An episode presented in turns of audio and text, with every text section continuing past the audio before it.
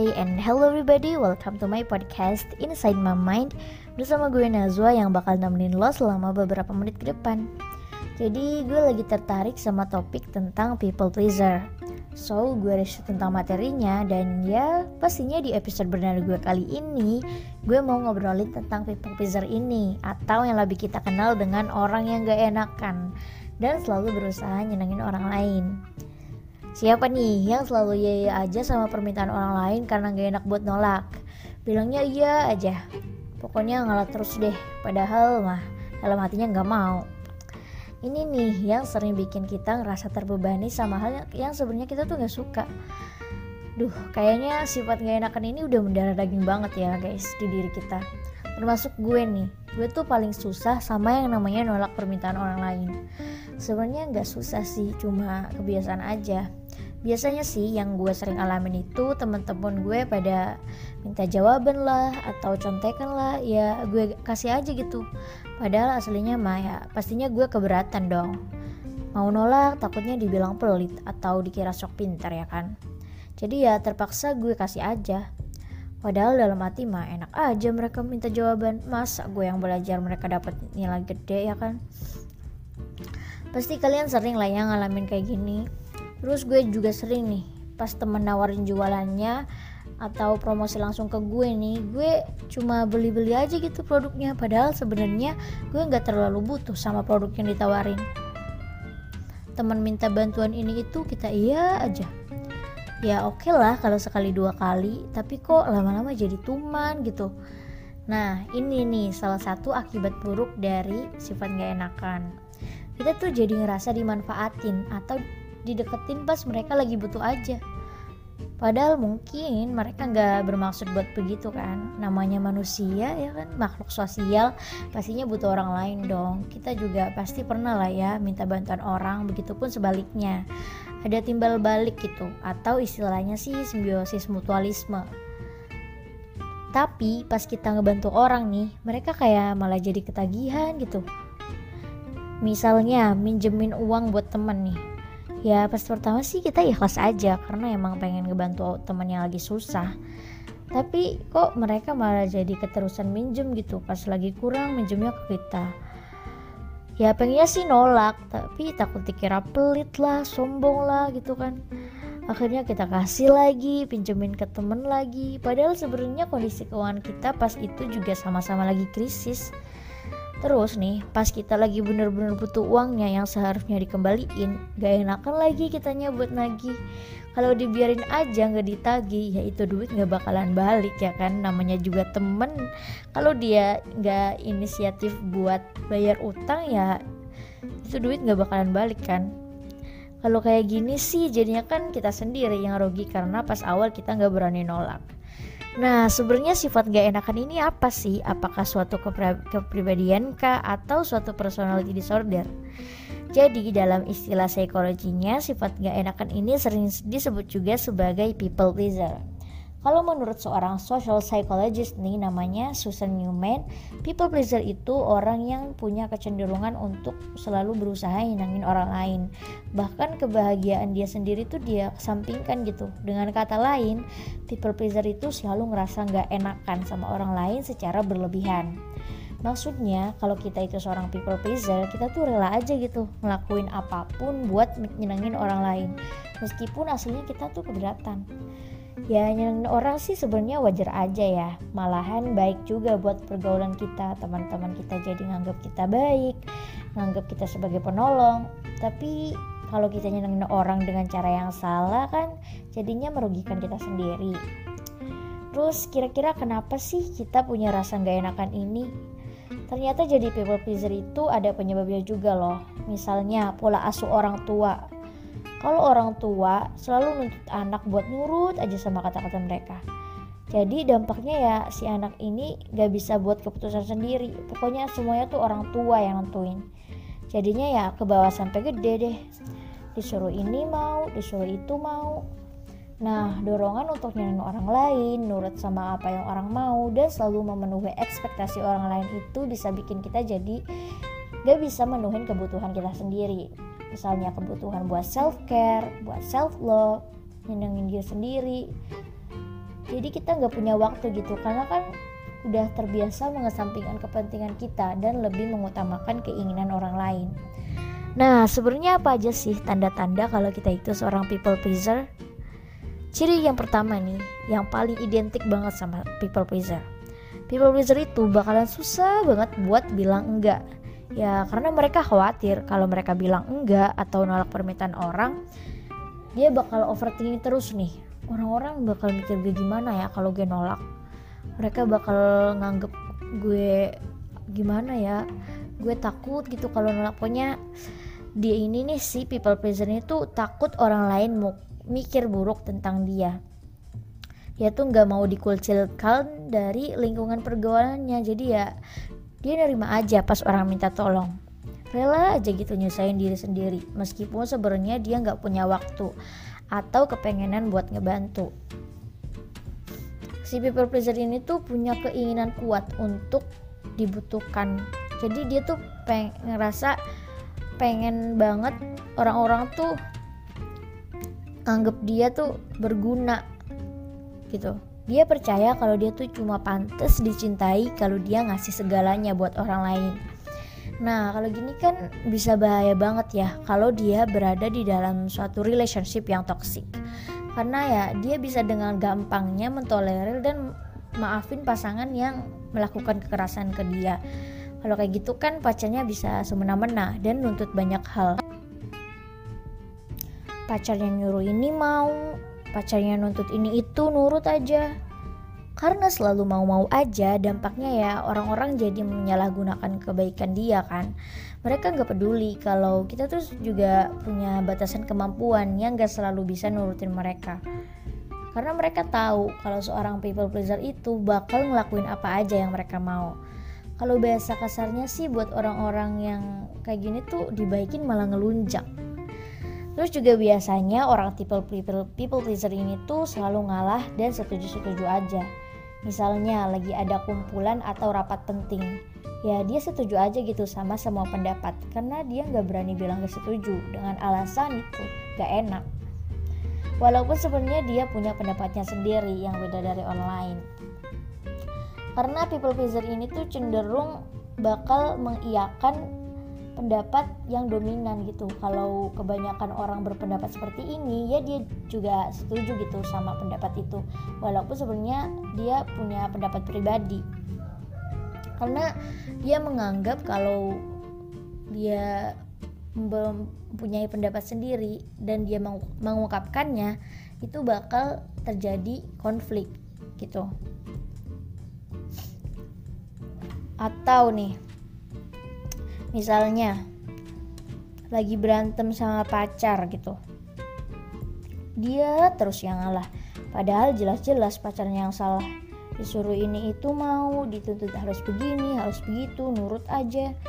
Karena ya dia selalu beranggapan bahwa dia tuh bakal dipeduliin dan orang-orang bakal deketin dia tuh kalau dia berguna. Alhasil ya dia selalu berusaha nurutin kepengenan orang kalau dia nggak suka sama sesuatu pun ya dia bakal iya aja supaya kelihatan kompak sama yang lain Makanya people pleaser ini tuh cenderung labil ya dan gak bisa nentuin pilihan. Soalnya kadang kadang-kadang nih si people pleaser tuh gak tahu apa yang sebenarnya dia pengenin buat dirinya sendiri. Karena ya dia terlalu fokus sama ekspektasi orang lain terhadap dia. Seorang people pleaser juga selalu mengedepankan perasaan orang lain nih guys. Saking rasa bertanggung jawabnya atas perasaan orang lain nih, dia jadi sering minta maaf. Walaupun sebenarnya kesalahannya tuh bukan dia yang lakuin gitu. Lo sering gak sih bilang maaf pas ada yang salah? Atau bahkan lo gak salah pun lo minta maaf? Nah itu juga salah satu tanda people pleaser lo. Si people pleaser ini siap aja buat disalahin. Akhirnya dia terus deh yang minta maaf bahkan saat hal yang terjadi tuh gak ada hubungannya sama yang sekali sama dia. Karena ya people people pleaser ini tuh cenderung gak suka konflik dan pertengkaran ya kalau orang lain marah karena dia nggak nurutin kemauan mereka ya dia bakalan buru-buru minta maaf atau ngelakuin sesuatu yang menurut dia bisa bikin orang lain itu seneng. Kayaknya kerjaan si people pleaser ini tuh cuma sibuk nyenengin orang ya. Jadinya dia nggak punya waktu luang gitu buat nyenengin diri sendiri coba deh lo pikir kapan lo terakhir kali ngelakuin sesuatu buat diri lo sendiri? Lo punya gak sih waktu buat self care ngelakuin hobi yang lo suka? Atau sekedar buat relaksasi deh? Kalau waktu lo kebanyakan buat kepentingan orang berarti lo punya kecenderungan people pleaser ini. Kalau lo termasuk people pleaser ya mungkin maksud lo baik nggak mau bikin orang lain kecewa atau nggak mau bikin orang lain marah tapi kalau berlebihan kan tetap nggak baik ya kalau kita terlalu menjaga perasaan orang tanpa mikirin perasaan kita sendiri kan jadi capek batin juga dalam hatinya ngerasa keberatan tapi lebih mentingin perasaan orang lain yang butuh bantuan orang lain yang salah kita yang minta maaf kita yang ngalah kalau begitu terus kan kita sendiri yang kecewa, kita yang capek kan? Dan semuanya cuma dipendam sendiri. Mau bete, kesel, kecewa, capek. Si people pleasing ini ya gak berani gitu nunjukin atau ngungkapin perasaannya. Lagi-lagi karena gak enakan. Beraninya cuma pasang senyum depan orang lain. Kerajaan siapa tuh? kalau lo terus-terusan mendem perasaan atau pendapat sendirian nanti lo sendiri juga kan yang bakal makan hati terus cuma demi orang lain dampaknya apa sih kalau kita jadi seorang people pleaser? Pastinya ya kita bakal kesel terus nih dan frustasi. Karena ya kita rasanya orang itu cuma deketin kita karena mereka butuh sesuatu. Karena kita selalu nurutin mau orang kita juga jadi bisa dimanfaatin orang lain ya kan? Karena orang-orang anggapnya kita selalu bisa diandelin kapan pun dan di mana pun. Bodo amat kita keberatan atau enggak. Karena dikenal nggak bisa nolak bukan gak mungkin orang-orang di sekeliling kita bakal terus minta tolong. Efeknya nih people pleaser tuh bakal ngerasa capek fisik dan mentalnya. Kalau dari segi fisik ya dia kan udah ngeluarin banyak effort ya. Dia memforsis tenaga buat ngerjain kerjaan sehari-hari ditambah lagi ngerjain hal-hal atas kemauan orang lain kalau dari segi mental ya hatinya kan sebenarnya kurang serg ya buat memenuhi permintaan orang. Dia ngelakuin itu ya karena terpaksa karena nggak enakan tadi. Dia bakal capek plus ngerasa hatinya kosong. Udah capek ngebantu orang nih kan ya. Eh yang dibantu cuma sekedar manfaatin doang tanpa ada timbal balik. Ya kan? Kalau kayak gini sih bukan simbiosis mutualisme ya malah jadinya parasitisme lama-lama dia tuh jadi stres bahkan depresi. Dan bisa suatu saat meledak gitu. Karena selama ini kan dia cuma mendem dalam hati. Percaya deh guys. Terus-terusan jadi people pleaser tuh nggak sehat banget. Kita tuh bener-bener harus menanamkan dalam pikiran kita kalau kita tuh bisa bilang enggak. Jangan selalu iya iya aja tentang pendapat orang lain kalau sebenarnya kita nggak setuju.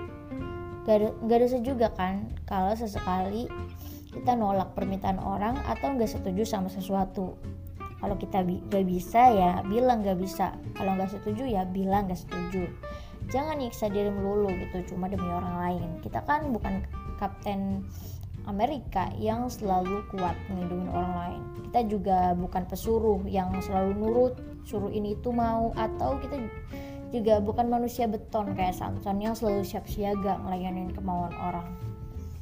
Ada kutipan dari Google yang gue suka banget nih, gini bunyinya. Try not to be too focused on pleasing others and end up losing your true self. Maksudnya itu, coba deh lu jangan terlalu fokus nyenengin orang lain kalau lo terus-terusan jadi people pleaser lo bakalan jadi pendukung orang lain terus dan tanpa lo sadari lo kehilangan diri lo sendiri ya emang sih mungkin awalnya pasti susah banget ya buat ngelawan perasaan gak enak tapi nggak ada salahnya kan buat nyoba Nah, buat lo yang lagi pengen ngilangin kebiasaan gak enakan ini, gue bakal kasih tahu beberapa tips supaya kita bisa stop jadi people pleaser. Tips yang pertama nih, pastinya kita tuh harus coba belajar mengatakan tidak. Emang bilang enggak sama orang lain tuh pastinya susah banget ya bagi seorang people pleaser. Tapi coba deh pelan-pelan belajar nolak apa yang nggak bisa kita accept. Mulai dari hal kecil dulu aja deh. Pas lu nolak kemauan orang itu bukan berarti lo jahat, bukan berarti lo nggak punya hati. Mereka juga pasti bisa nerima penolakan kita kalau kita ngungkapinnya secara baik-baik. kalau kita udah dibiasain buat bilang enggak sama hal-hal yang di luar kemampuan kita nanti pas kita udah dewasa tuh kita bakal lebih punya kemampuan buat ngungkapin pikiran kita tanpa nyinggung orang lain terus kalau kita nggak sependapat sama orang, lain ungkapin aja kalau sebenarnya kita tuh nggak setuju dan punya pemikiran sendiri. Gak usah takut terjadi konflik karena perbedaan pendapat. Selama kita ngungkapinnya dengan pikiran terbuka dan saling hargain ya pasti orang juga bisa nerima. Malah jadi seru kan kalau bisa saling untuk berpikiran kita nggak perlu selalu sama dengan pendapat orang kebanyakan karena opini orang itu kan beda-beda kita nggak perlu selalu berusaha nyenengin orang lain biar disukain semua orang.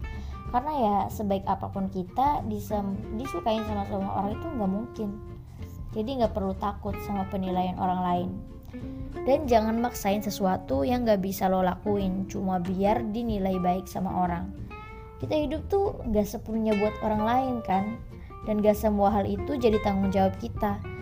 Prioritasin dulu aja kepentingan kita karena kan sebenarnya kita gak punya tanggung jawab sama kebahagiaan orang. Coba deh setting boundaries dan berhenti berusaha buat jadi orang yang sempurna terus. Karena kan kita manusia biasa punya kekurangan. Kita punya batas kemampuan yang gak selalu bisa ngelakuin kemauan orang atau jadi apa yang mereka pengenin itu dia tips dari gue dan segitu dulu aja topik di episode kali ini. Makasih banget buat kalian semua yang udah mau dengerin sampai habis. Jangan pernah bosan dengerin suara gue dan tetap stay tune terus buat nungguin episode-episode selanjutnya di podcast Inside My Mind. Thank you for listening. Have a nice day and see you guys in the next episode.